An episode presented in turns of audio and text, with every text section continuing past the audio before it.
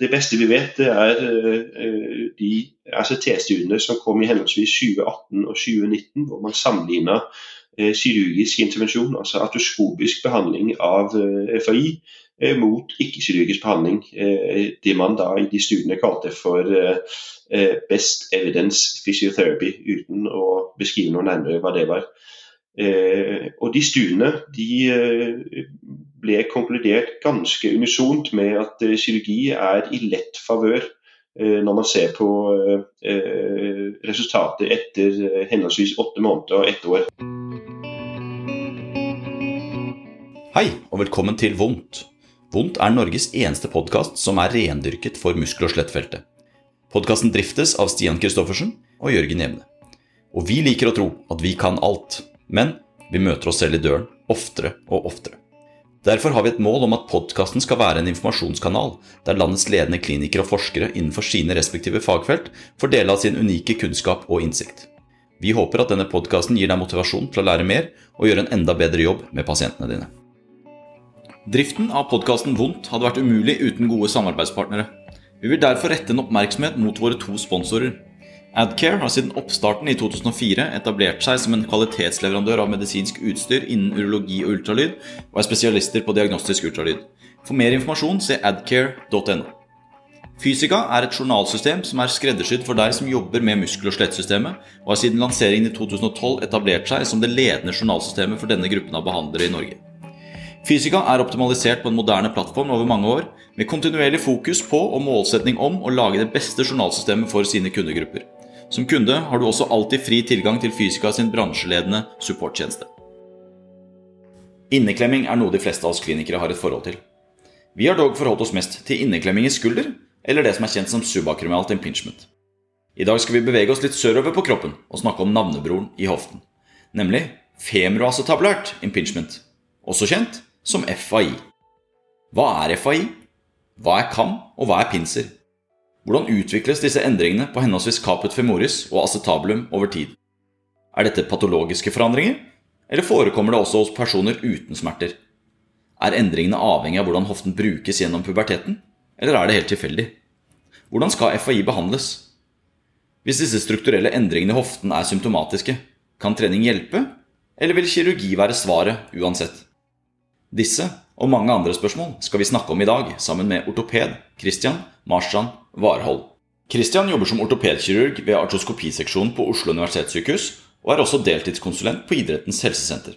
Han har bred erfaring innen ortopedi, traumatologi og subspesialisering innen hofte, skulder og kompleks knekirurgi. Christian er utdannet kiropraktor ved Universitetet i Odense i 2009 og lege i 2011. Han har spesialistutdannelse fra Danmark og Norge. Han er også aktiv klinisk forsker innen hofteartroskopi og behandling av pasienter med FAI. Yes, Velkommen til en ny episode av Vondt. Eller denne gangen så tror jeg vi skal si Kea eller sammen. Velkommen til Ont. Vi har nemlig fått med oss vår første danske, eller en dansk-norsk hybrid, i Christian Marstrand, som dere akkurat har hørt en fin introduksjon av. Hei, og velkommen til deg, Christian. Tusen takk, Jørgen. Det er utrolig hyggelig å få lov til å være med. Nå sitter alle lytterne våre og stresser som faen fordi de tror at det er sånn han skal snakke. Men eh, som jeg sier, så Christian han, eh, han, behersker både det danske og det norske språk, som vi har hatt veldig mye morsomt med tidligere.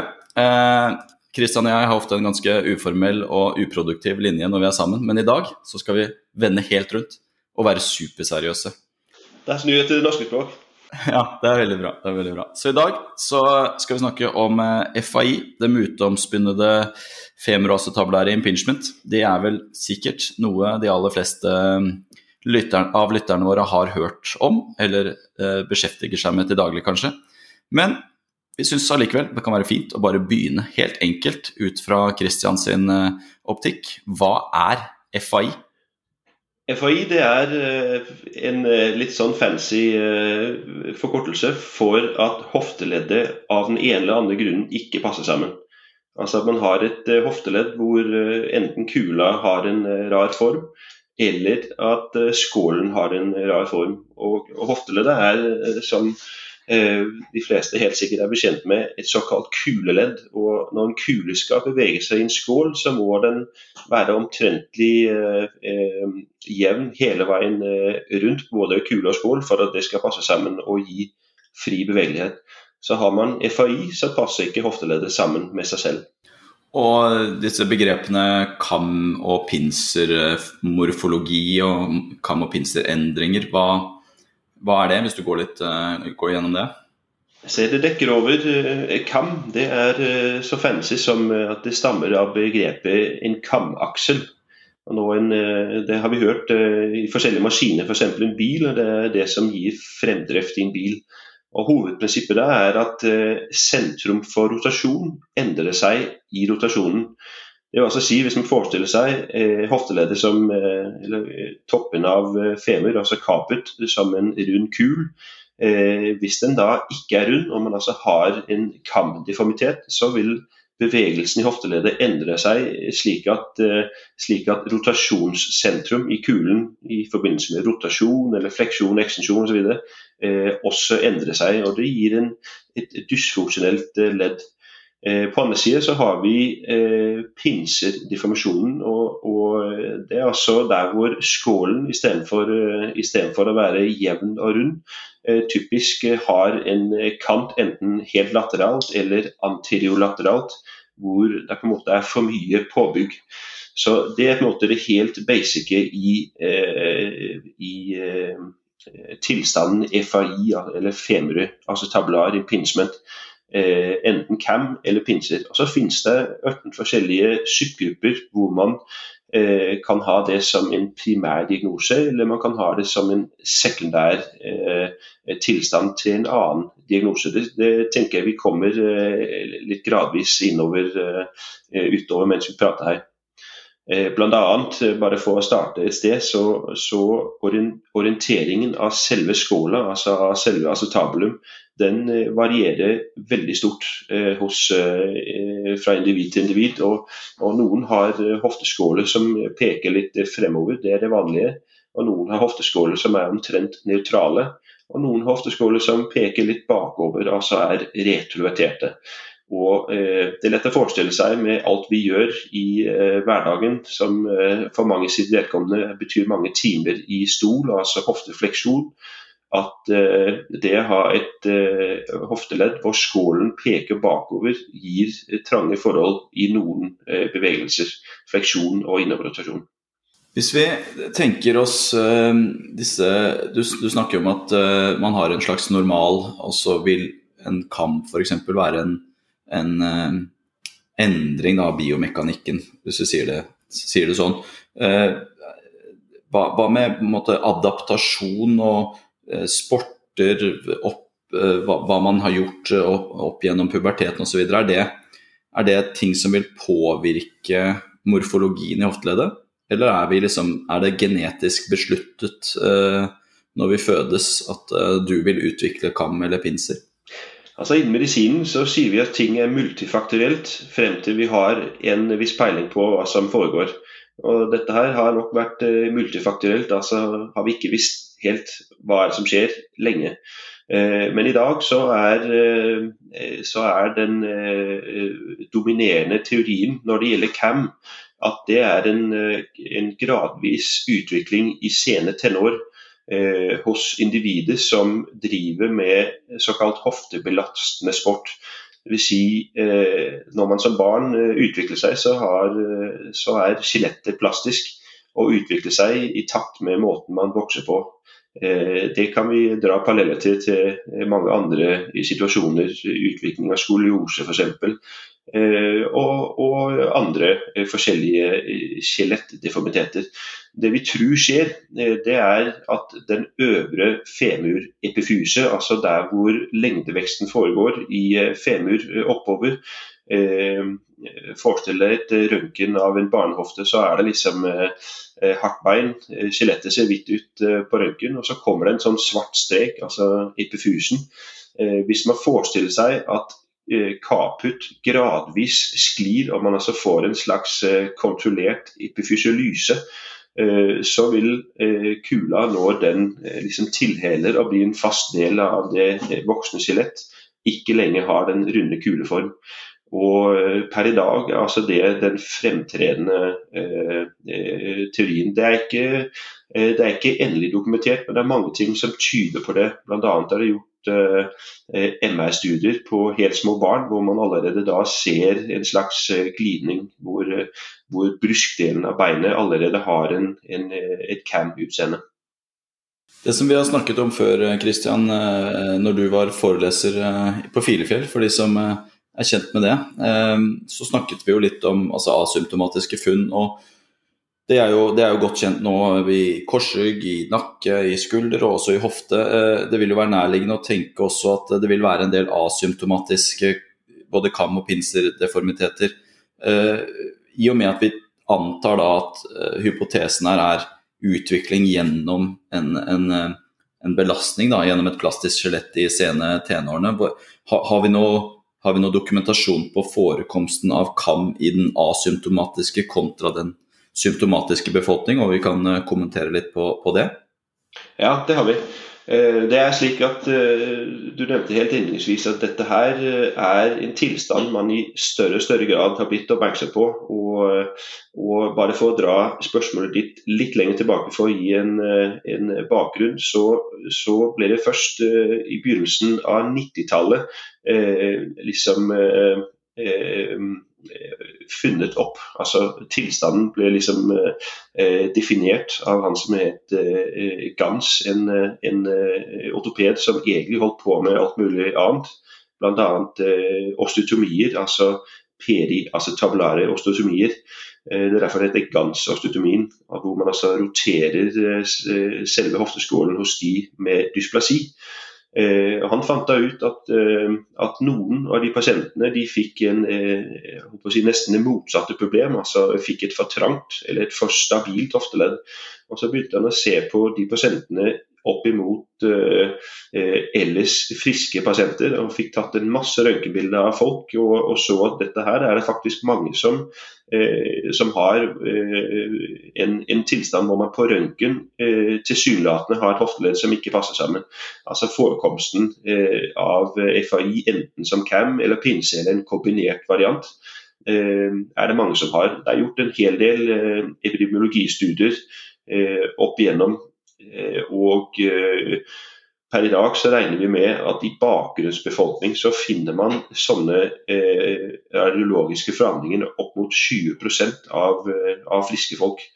Og Her må vi bruke begrepet, eller teorien om ølglasset som plutselig flyter over. Altså når er nok nok? Det er mange som lever et helt utmerket liv med forskjellige forandringer uten at det gir de problemer i hverdagen. Det er noen som har skeive stortær, det er noen som Eh, eh, har øre som står ut. og Det er ikke nødvendigvis et problem, men det er noen som velger å, å se på det som et problem. og Vi snakker mekanisk eh, problem, så er det typisk eh, noe som gir seg uttrykk hos folk som har hoftebelastende yrker eller fritidsaktiviteter, eller kanskje lever av sin fritidsaktivitet, f.eks. fotballspillere eller ishockeyspillere. Og hos noen av de, da blir eh, eh leddet som ikke passer sammen, etter hvert et problem og kan gi eh, skader og forandringer som gjør eh, at det ikke er forenlig med å fortsette den form for livsstil. Du, du nevnte rundt 20% Jeg syns jo og Sånn er det jo i disse eh, radiologistudiene som forsker på asymptomatiske mennesker. Men jeg tror de høyeste tallene jeg har lest på, på Cam Pinser, er vel i underkant av 70% med pinser og i underkant av 40% på Cam i en asymptomatisk befolkning. Det var vel tilbake i 2015. Er det, er det disse undergruppene av cam og pinser du snakker om som gjør at det rapporteres så store forskjeller, eller kan du kommentere litt på det? Veldig gjerne. Eh, som du nevner her, så finnes det eh, masse studier hvor, eh, hvor, forekomst i subgrupper er helt eh, ekstreme. Eh, bare for å ta et eksempel, så er det gjort, eh, så er det gjort forekomststudier på, på profesjonelle NHL-fotballspillere og Det er gjort eh, forekomststudier på eh, en gruppe av eh, profesjonelle, altså toppliga fotballspillere i England. Og Der har vi på cam-siden over 90% forekomst. Men det er langt, langt, langt ifra alle de som faktisk har symptomer. Det sier noe om, og det understøtter teorien om at de som eh, i sene tenår har aktiviteter som eh, er eh, si, ekstremsport for hofteleddet, eh, risikerer å utvikle sånne tilstander. Og Vi er jo spesielt oppmerksomme på disse subgruppene så lenge de er eh, sportsaktive. Men det er veldig få profesjonelle fotballspillere som holder på etter eh, ja, Nå er jeg ikke noe fotballfantast, men 35-40 år, vil jeg tro. Slik at mange av de går på en måte igjennom nåløyet uten stor oppmerksomhet rundt før senere i livet. Og Grunnen til vi snakker om alt dette, her, det er jo hva er det som skjer med disse pasientene eh, på sikt, hvis ikke vi oppdager tidlig og eventuelt intervenerer. Og det er at Dette er antagelig i dag den største bidragsyter til sekundær eh, koksatrose, altså hofteslitasjegikt. I hvert fall når vi snakker CAM. Det tenker jeg Vi snakker litt mer om uh, utover uh, på pinsesida, men når vi snakker CAM, så er det altså i dag uh, antagelig den største sekundære bidragsyter til tidlig atrose, altså før fylte 60 år. Det er jo interessant det her med, med retur til idrett og hva, hva, gjør man med disse på sikt. Um, to ting som er interessant der. Det, det, er ikke, det, er jo ikke, så stor andel av de som faktisk opereres på, som returnerer til sitt tidligere nivå etter en eh, FAI-operasjon. Får du korrigere meg hvis jeg tar, tar feil der, Kristian. Uh, det er det ene. Um, og så er jo det andre er jo på en måte Hvis det å ha en CAM-deformitet i utgangspunktet er en risikofaktor for koksartrose, så vil jo også et, et intraartikulært inngrep også kunne være en utløsende faktor for utviklingen av artrose, på samme måte som vi ser det i kne. Um, kunne du kommentert litt på begge, begge de tingene? Det var to uh, mastodonspørsmål, så de må jeg nesten kommentere mye på, begge to. Uh, vi behandler aldri folk uten symptomer. Det har man gjort opp igjennom. Uh, holdt på å si min, eh, mine kolleger, mine eldre kolleger eh, rundt omkring i verden har sett på dette som eh, jeg håper å si, if you see it, you treat them all. Sånn at mye kirurgi er utført profylaktisk. Det vet vi i dag, i hvert fall i vår del av verden, ikke er lønnsomt. Sånn at pasienter vi ender med å operere på, om det gjelder FAI eller om det gjelder noe annet, de er for det første grundig eh, undersøkt. og Vi har en helt klar eh, symptomatologi som henger sammen med bildediagnostikk. Og, og, og, pasienten har vært igjennom diverse ikke-kirurgiske tiltak før man havner under kniven. Og Det er kjempeviktig, fordi kirurgi er et sterkt virkemiddel, men det er ofte en sånn slags siste utvei for mye når vi snakker muskuloskelettale plager. Sånn at Har man først tatt steget å gå til kirurgi, så, så, kan man ikke angre på det og så ikke bli operert likevel. I motsetning til alt mulig annet vi gjør, som sjelden har så kraftig impact eh, i, i, det det blir gjort. Eh, og Det er vesentlig fordi eh, og, og, det er også et viktig eh, budskap å få ut. Det er ikke sånn at kirurgi per def er løsningen på alt. Eh, hvis, hvis, man, eh, hvis, man, eh, finner ut at, at her kommer vi ikke i mål med noe ikke-kirurgisk tiltak, vi bør prøve å vurdere om kirurgi er riktig løsning. Så kan man ikke si til pasienten det er bare å vente. Det er riktignok litt ventetid på operasjon, men når det er gjort, så er det tipp topp. Da er det tilbake til å være deg selv, både hverdag og fritid. Eh, fordi eh, inngrep i seg selv er som du nevner, en prosedyre som foregår inntakslært. Altså vi leker med ilden. Alt vi gjør er det vi kaller for leddbevarende kirurgi. Så hele målet er å bevare pasientens eget ledd lengst mulig.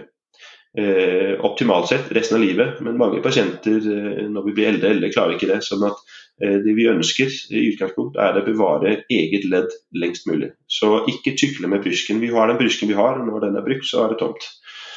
Eh, og, og, hvis først vi gjør noe inni leddet, så vil man eh, hos noen pasienter liksom helle bensin på et bål.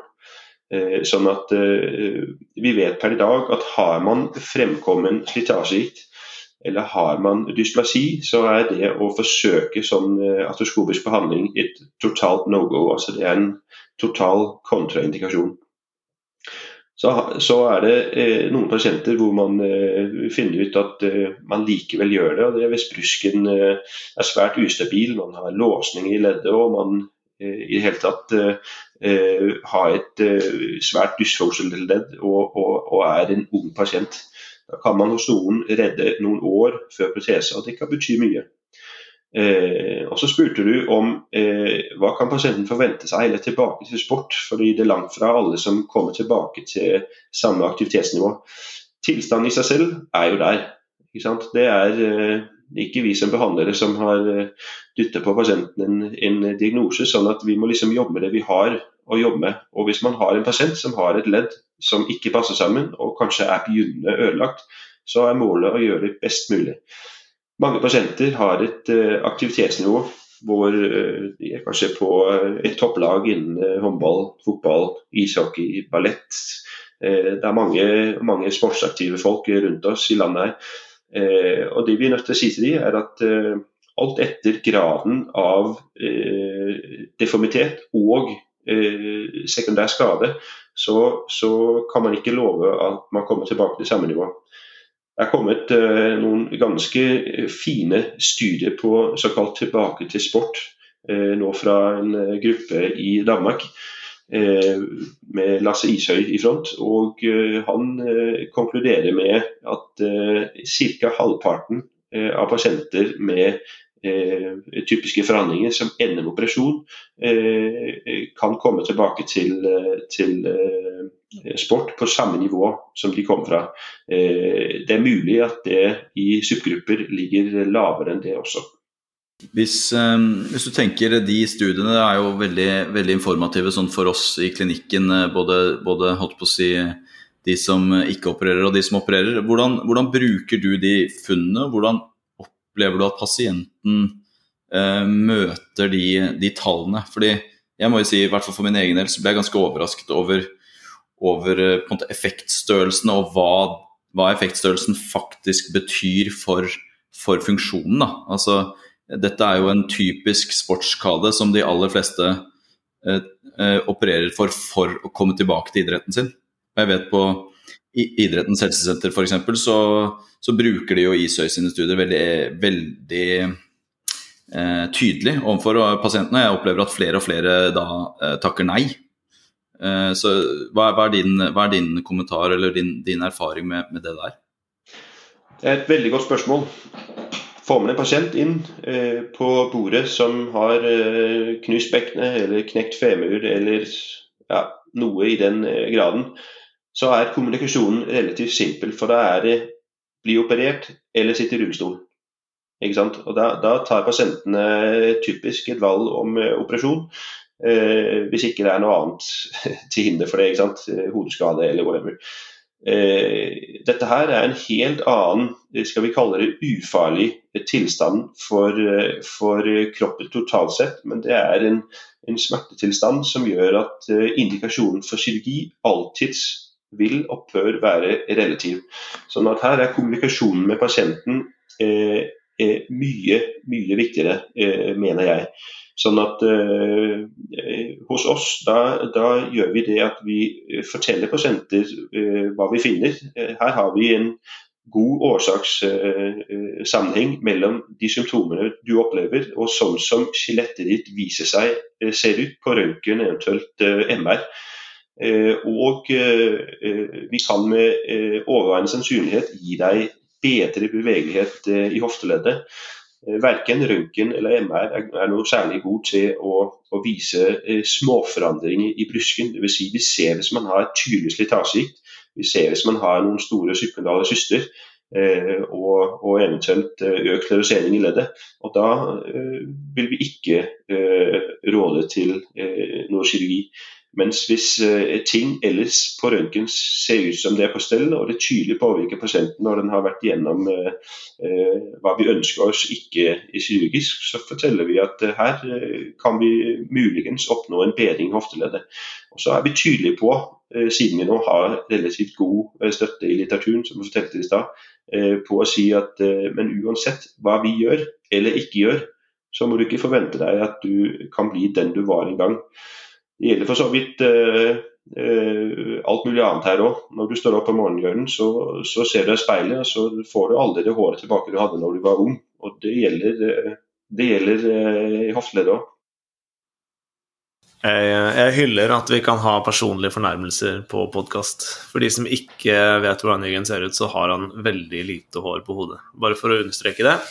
Um, det er jo eh, mulig her å um, Jeg syns det er ganske åpenbar, en åpenbar parallell vi må ta inn. Um, Hofteimpingement versus uh, skulderimpingement. Um, om, uh, altså, noen har jo spurt om uh, FAI er det nye skulderimpingement-tilstanden. Um, jeg liker å stille flere spørsmål samtidig, sånn at du kan få prate mye. Um, disse Isøy-studiene f.eks. om måten vi kontekstualiserer funn, eh, morfologiske funn, asymptomatiske funn og retur til idrett f.eks. Eh, jeg vil jo anta at vi forhåpentligvis har lært av f.eks. skulder-impingement-historikken. At eh, denne måten å informere pasienter om tilstanden kommer inn mye tidligere. Um, så du kan godt få snakke litt om hvordan du som kirurg um, prøver å skape en kontekst som nærmest kanskje Eh, downplayer det kirurgiske tiltaket på en måte. Og så om det er noen altså, Er det noen åpenbare ting som skiller skulderimpingement og hofteimpingement, sånn bortsett fra at det ene leddet er vektbærende og det andre ikke? Nemlig. Det var uh, enda Pandoras boks eh, å åpne her. Når vi snakker, uh, når vi snakker skulder og hofte, så har de én ting til felles, og det er at uh, rødknokkelen ender i noe som minner om en kul. That's it. Derfra videre så er det omtrent bare forskjeller. Uh, skulderleddet er en kul mot en vegg, og ikke egentlig en skål. Dvs. Si stabiliteten i skulderen den dannes da av selvfølgelig av kromion over eh, labrum til en viss grad, og ellers bløtdelstrukturer. Mens hofteleddet det har stabiliteten sin Eh, fra selve skolen. I noen grad eh, fra eh, labrum, som også spiller en viktig rolle vi er nødt til å prate om i løpet av podkasten her etter hvert. Men, men, det er altså en osseøs stabilitet. Det betyr eh, altså når vi snakker om belastningen eh, skulder versus hofte, at det er to vidt forskjellige ting. Eh, som du selv nevnte, så kunne vi kanskje se noen paralleller hvis folk gikk rundt på hendene, og det gjør de jo eh, de færreste. Sånn at, sånn at uh, selve stabiliteten og belastningen i hoften er helt annerledes. og Her, vi, her vi, er vi nødt til å se på de osøse forhold når vi snakker stabilitet, og det motsatte instabilitet. og så løfter du litt eh, åpna litt lokket på kan vi dra noen paralleller. Jeg tipper det du hinter til er at eh, mye eh, kirurgisk eh, innsats har blitt gjort eh, velment for å minske symptomer fra skulderimpinsement utover. Og alle vet jo nå at eh, det gjør vi mye mindre grad i dag enn man gjorde tidligere. og det svaret kan vi ikke svare på på hoftesida ennå. Eh, det er slik at eh, behandlingen eh, innen hofteimpingement den, den, er fortsatt et, etter begrepet intention to treat. Altså, vi gjør det fordi vi tenker at her er det noe muffins, det passer ikke sammen, vi må få det til å passe sammen. og jeg nevnte litt tidligere at at eh, hele begrepet er bare snaut 30 år gammelt. Eh, selvfølgelig har pasienter hatt denne tilstanden alltid, vi har bare ikke vært oppmerksom på det. Eh, man har gått tilbake og sett på, sett på gamle skjeletter som er gravd ut hist og Egypt bl.a. Og har funnet forandringer som faktisk er FAI på skjelettet fra denne gangen. Men det, det, var sånn det var den gangen, og det, det har vi selvfølgelig ikke gjort noe med så, så har man eh, holdt å si, først blitt ordentlig oppmerksom på tilstanden nå. Eh, og Det har ført til at forskningen innen dette feltet her har tatt helt av. Det er en, det er en kurve som er svært eksponentiell fra tidlig 90-tall og frem til nå. Da kommer det flere og flere studier per år. Og det er vel Hvis jeg skulle komme med et, et saklig gjett, godt over 3000 artikler nå bare på eh, tilstanden FAI, altså FAI som paraplydiagnose. ikke sant?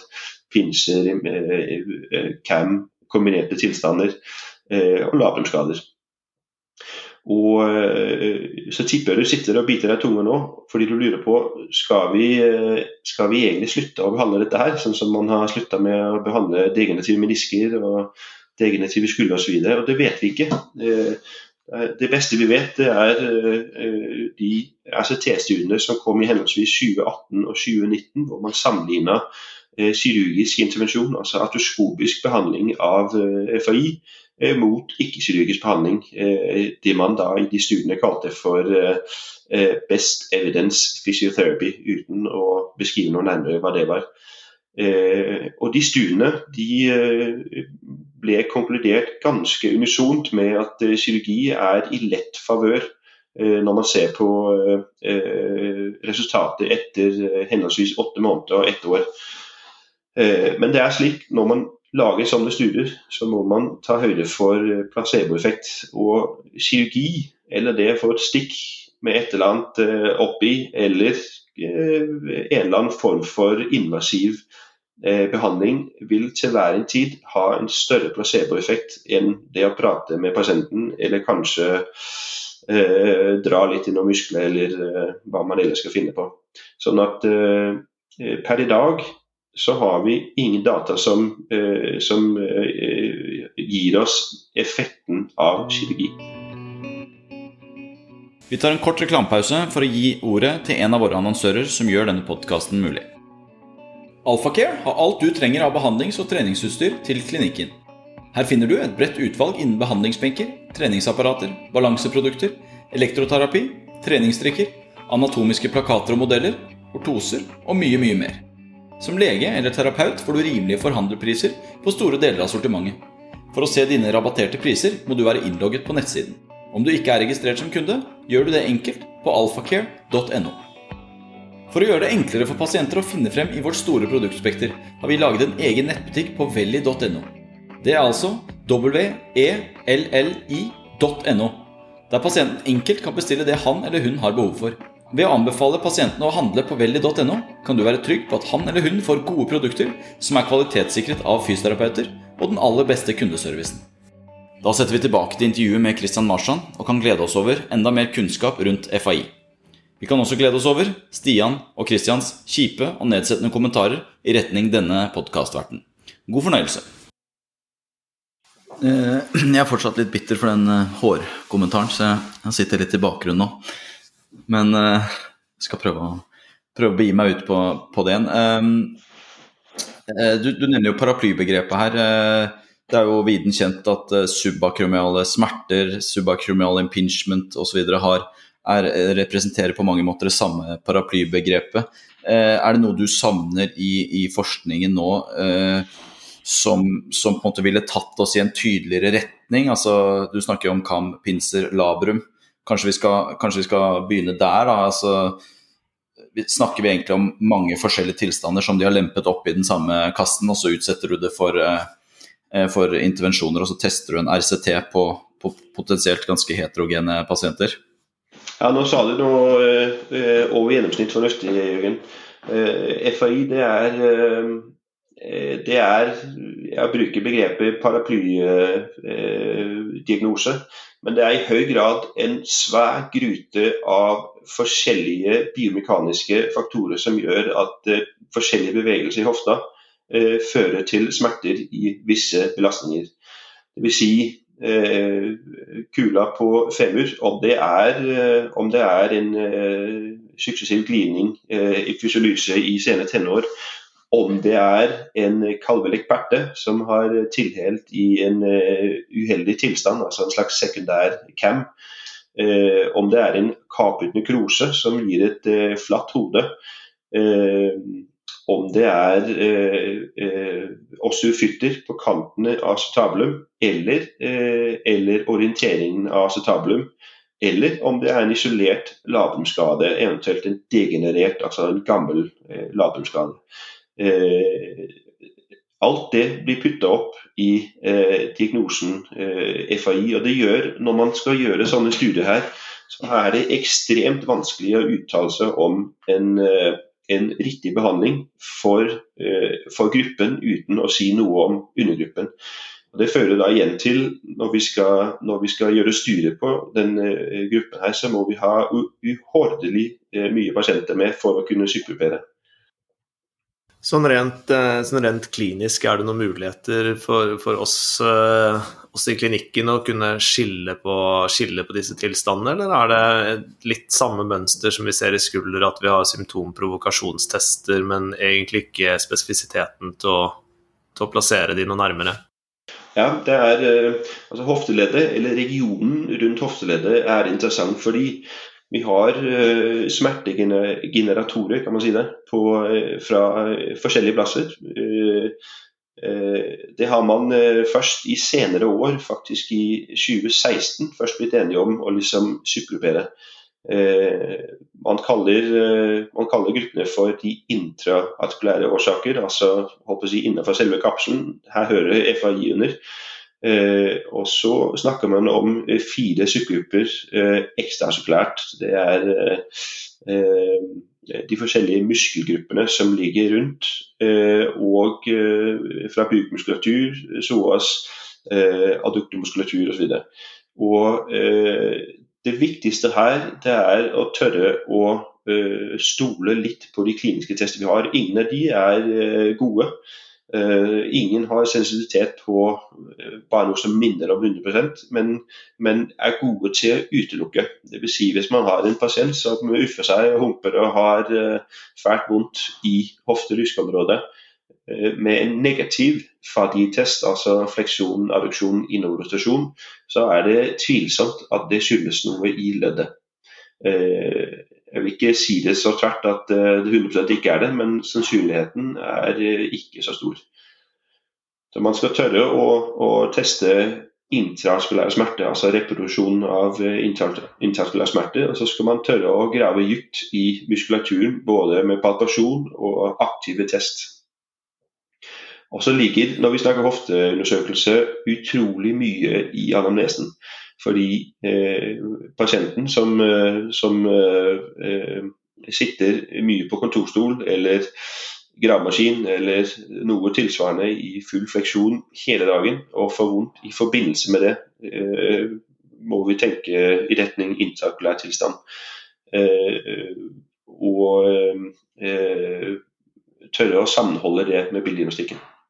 Det blir jo nærliggende her at vi tar et eh, dypdykk inn i den pågående doktorgraden din som du driver med. Men siden vi nå har vært innom det, og i kjølvannet av 50 år med impingement-forskning på skulder som har landet der den har eh, Før vi går inn i doktorgraden din, eh, tenker du Eller er intuisjonen din at eh, 50 år med FAI-forskning kommer til å lande på en annen konklusjon? Og i så fall hvorfor? Nå skal jeg komme med et uh, ekstremt tydelig kirurgisk svar. Ja. Forskning kommer til å vise at uh, det å operere FAI eh, har noe for seg. Men som med alt annet vi finner ut når man undrer seg og lurer og holder på, så er det at seleksjonen av pasienter er ekstremt viktig.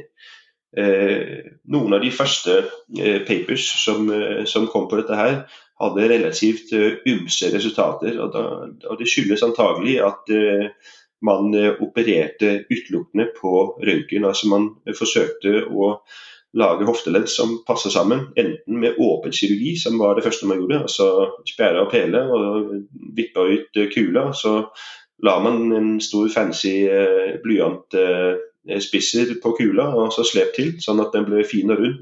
Ganske perfekt rund. Eventuelt gjorde det samme på på Astablum, og så putter man inn igjen og lukker. Og så krysser man fingre for at, eh, at, det blir bra. Det gjorde det hos noen, men langt, langt, langt ifra hos alle.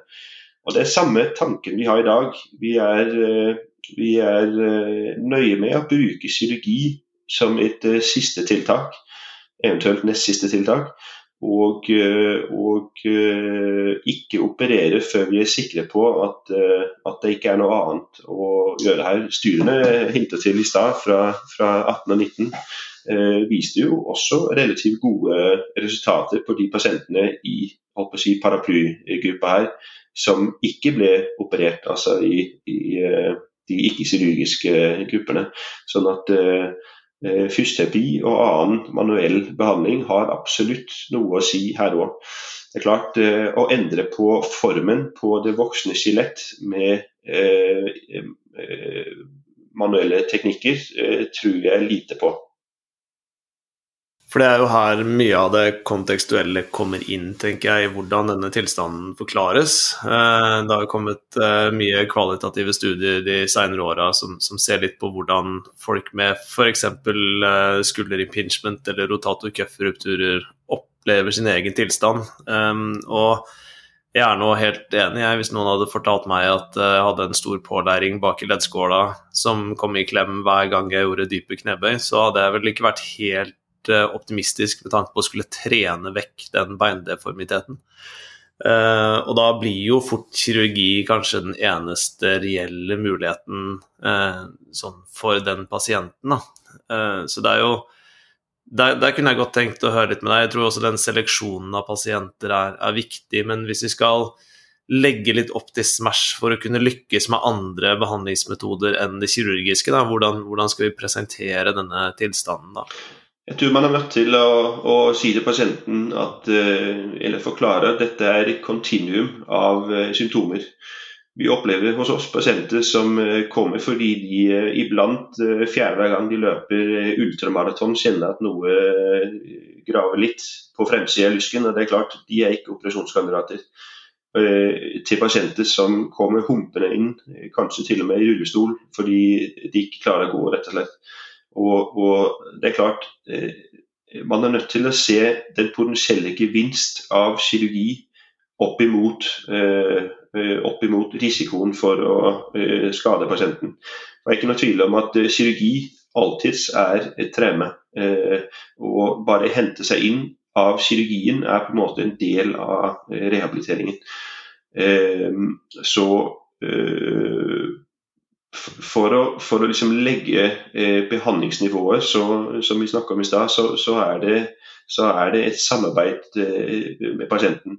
Og Det tror jeg er viktig òg eh, i måten dere, eh, dere to og dere lyttere driver praksis på. At man, at man eh, sammen med pasienten liksom tar dem med på en reise og finner ut ok, du har vondt i hofte- og ryskeområdet her Eh, Bildediagnostikk viser eh, sånn og sånn. Her ser vi at eh, her kan det være litt kantete. Her er det kanskje litt ujevnt å legge opp til at sånn er det masse, masse, masse mennesker som har det.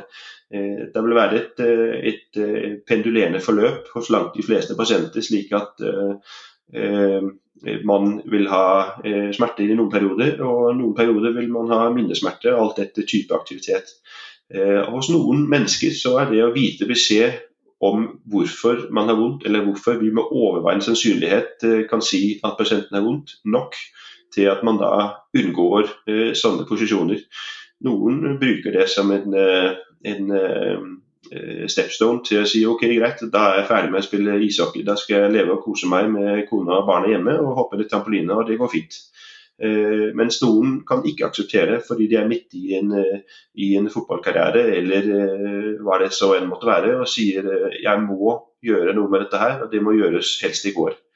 Og det er, det er vår jobb, alle sammen, som behandlere av forskjellige yrker, å ta pasienten med. Og, og, det beste vi kan gjøre, er å, å, legge til rette for det vi vet. Og, og så kan man selvfølgelig bruke Eh, personlig erfaring osv. Men der òg må vi være nøye med å si at eh, dette er min erfaring, men det vet vi egentlig ikke helt om det, om det faktisk er slik.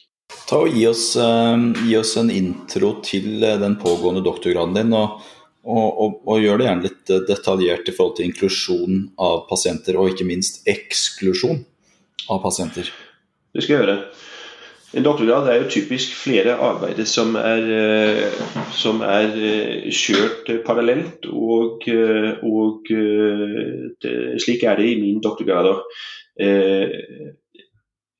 Hoved, hovedproblemstillingen, det vi har søkt å, å kunne svare på, er riktignok et ganske stor deig slått opp. Eh, altså det er en, eller mye, en stor munnfull, kan vi kalle det. Og det er svaret på det her eh, sånn holy grail-spørsmål hjelper kirurgi. Hva er effekten av kirurgi?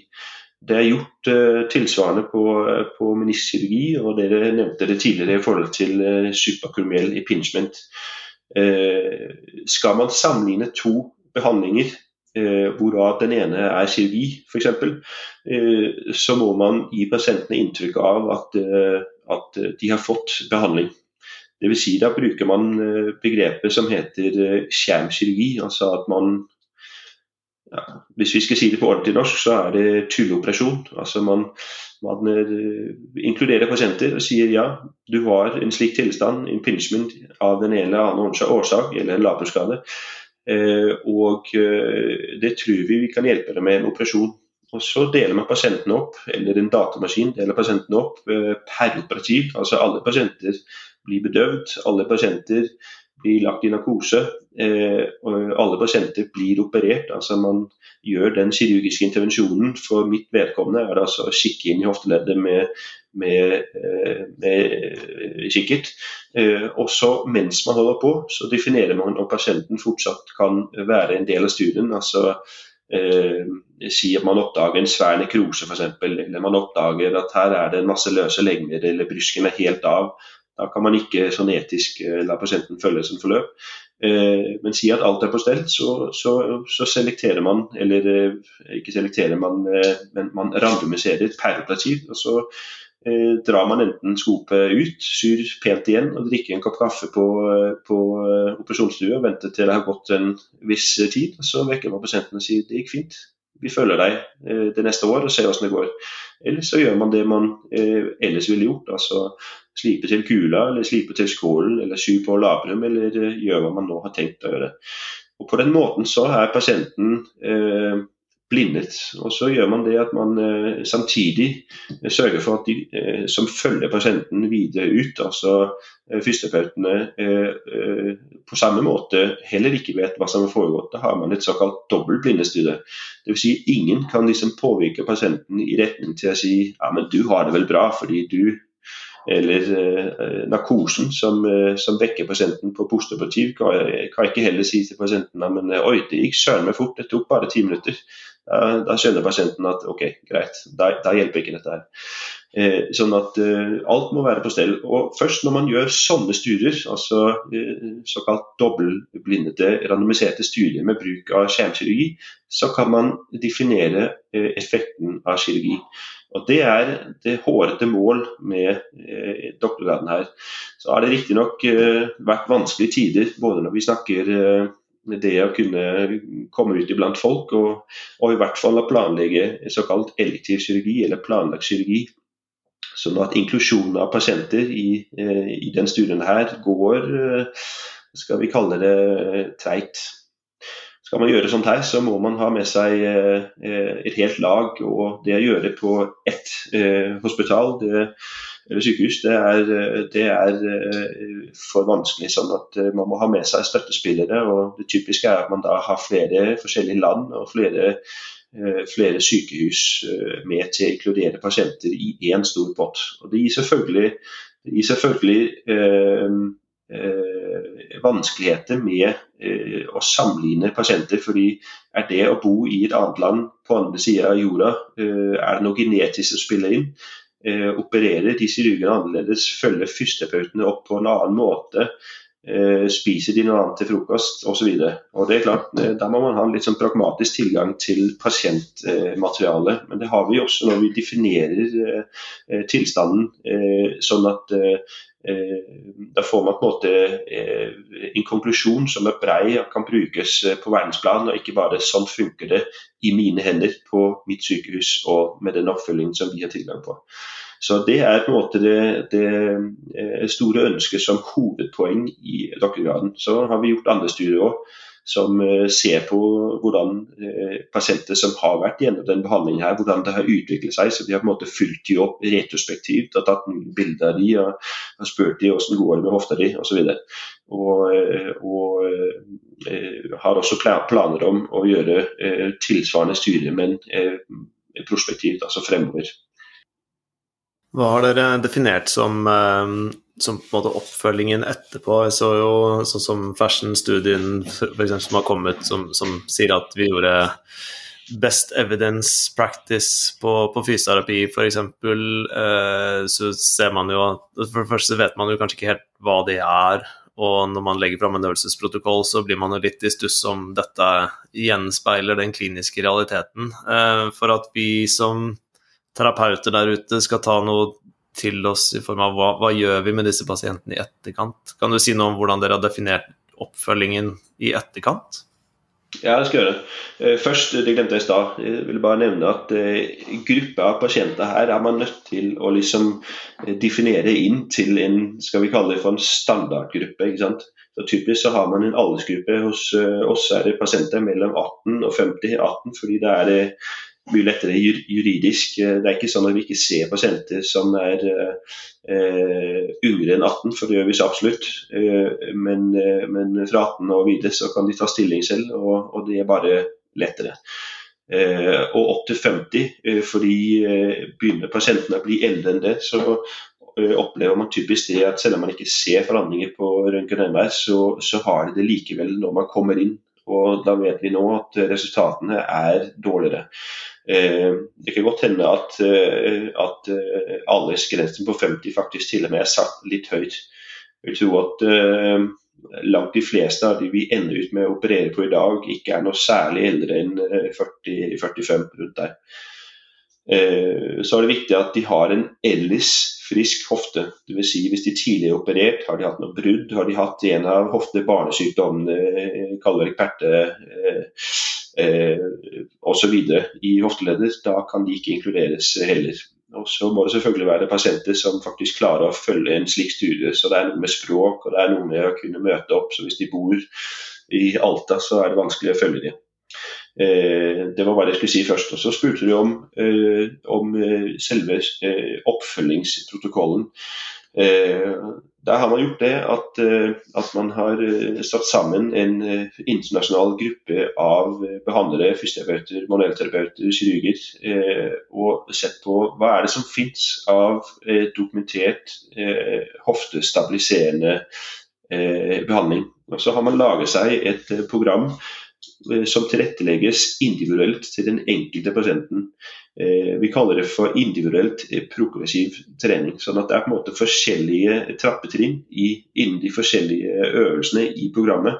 Og pasienten går først til neste steg når, når de på en måte er klare for det.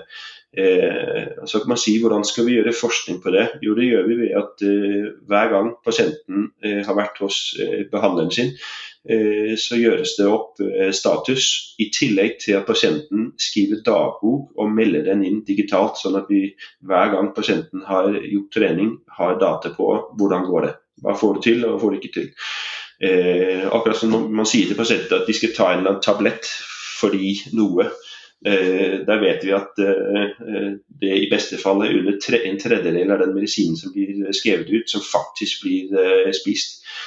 Så, så, gjelder det selvfølgelig òg når vi snakker trening. sånn at Vi vet at selv om vi sier du må trene sånn og sånn og så lenge hver dag, så blir det ikke gjort. Men det at man følger de, det antagelig den, eller at man ber pasientene om å rapportere inn, antagelig den beste måten å ha en eller annen form for målbar data på hvor de ligger. Hvor de ligger. Christian, du, du, snakket jo en del om eh, morfologien i skulder versus hofte.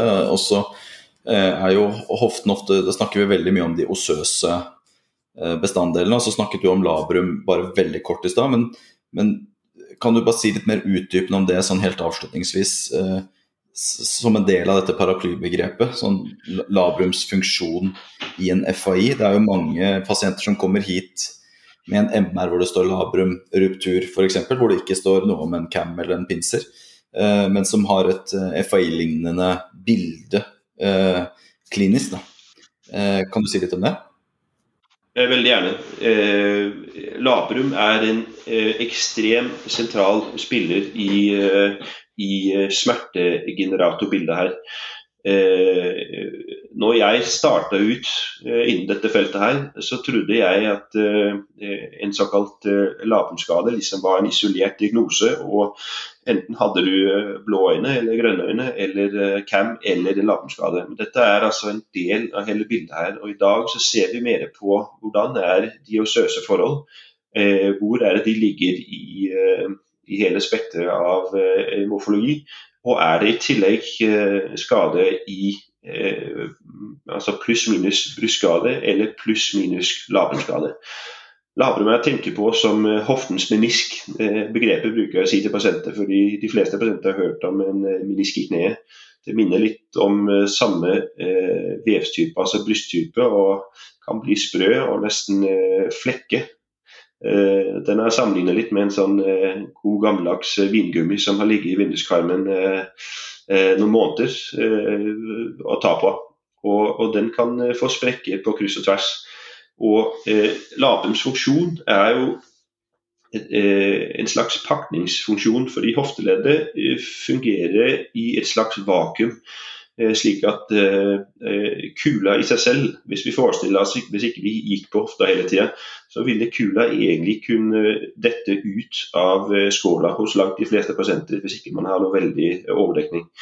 Men labrum gjør det at leddet slutter tett, sånn at det vi kaller for det sentrale compartment er i et kronisk vakuum. Og hele Poenget her er at hvis man får en labrumruptur, så blir det da eh, holdt på å si, utett, slik at eh, væske fra selve, altså det sentrale kompartment kan løpe ut og legge seg som syster enten i labrum, eh, hvor det absolutt ikke er plass, men nervene sånn at det er vondt. Eh, eller de kan løpe hele veien gjennom labrum og legge seg som eh, store eh, parelabrale syster hvor det absolutt ikke er plass heller. Derfra kan det løpe videre opp mot Sovas hvor det absolutt ikke er plass heller. Og alle de her forhold hvor trykket øker i plasser hvor det ikke er plass, i smerter. Eh, en typisk pasient med en isolert labrumsskade har eh, gjort en eller annen bevegelse, gått i spagaten, hoppa ut fra timeteren og landa eh, uheldig og fått seg en eh, ordentlig trøkk med hofta i utestilling som har liksom gitt et, en vridning, en, en skjekraft i labrum og har ført til labrumsskade. Og Det de typisk klager på, er ikke hvilesmerter, eh, men eh, smerter når de eh, sitter flektert. Eller når de holder på f.eks. en lang løpetur, leddvæskemengden øker, trykket stiger i selve leddet, og det da tyter synovia eller leddvæske ut hvor det egentlig ikke er plass. Da får de en sånn kniv i lysken-type smerte. Er det de samme pasientene som er på en måte inkludert i paraplyen din der, under, altså i, i, i doktorgraden? De eh, kan også inkludere seg. Så gruppene der er eh, CAM eller pinser eller kombinert pluss-minus lavbunnsgrader.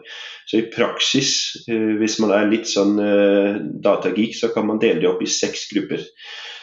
Jeg vil tro at majoriteten av prosentene de ligger i, i to grupper. Altså CAM med lavbunnsskade eller pinse med lavbunnsskade. Kristian, du er jo høy, mørk og mystisk. Eh, og første gangen jeg møtte deg, så, så hadde jeg jo nakken i 90 grader ekstensjon bakover, og du kikket eh, ned på meg og sa du, er det ikke kjedelig å være så lav? Eh, jo, det er kjedelig å være så lav, og det er kjedelig å miste håret. Men det er enda kjedeligere at bikkja mi spiser opp tempurputa, og at jeg nå har mistet potensen. Men det syns jeg vi skal snakke mer om i neste episode, for da skal vi få avslutte her, sånn at vi kan gå tilbake til hverdagen vår. Har du lyst med på noen avsluttende bemerkninger eller kommentarer til det jeg nettopp sa? Ja, altså Alle de problemstillinger kan jo uh, helt sikkert fikses. Det kan godt ordne med resepter. Uh, Bikkja må du gjøre noe med sjøl. Eh, nei, jeg uh, syns jo dette her er svært interessant. Og det eneste jeg føler at jeg har lyst til å knytte en kommentar til, det er denne pasientgruppen. Det er pasienter vi alle kommer til å se. Og vi må være tro mot eh, det vi kan og vet, og, og inngangsvinkelen til å vurdere om en pasient har FAI, er helt vanlig røntgen. I dag så opplever vi pasienter som kommer med utrolig fancy utredninger. og Det er gjort MR, MR-atografi, ultralyd, har prøvd ut alt mulig, men det er ikke tatt røntgen. Og Det er en, en, en ordentlig fotfeil.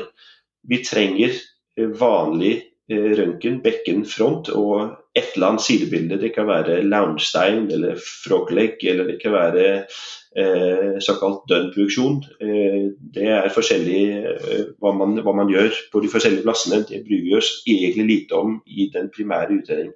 Sånn at eh, Røntgen eh, er et must hos alle pasienter hvor man tenker dette kan skyldes noe i leddet.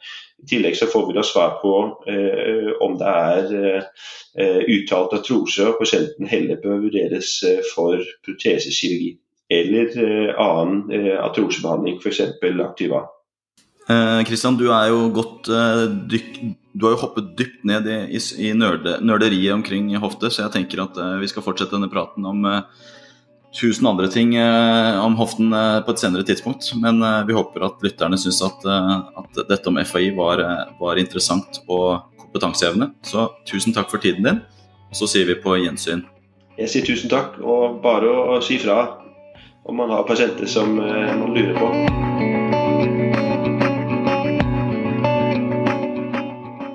En siste ting før du drar. For å nå ut til flest mulig, og for å dekke så mye som mulig av fagfeltet, og for å skape en så bra podkast som mulig, ønsker vi tilbakemeldinger. Send oss gjerne en melding eller mail der du finner oss på nett og sosiale medier. Og hvis du liker innholdet, så del gjerne episoden med hashtaggen vondtpodkast.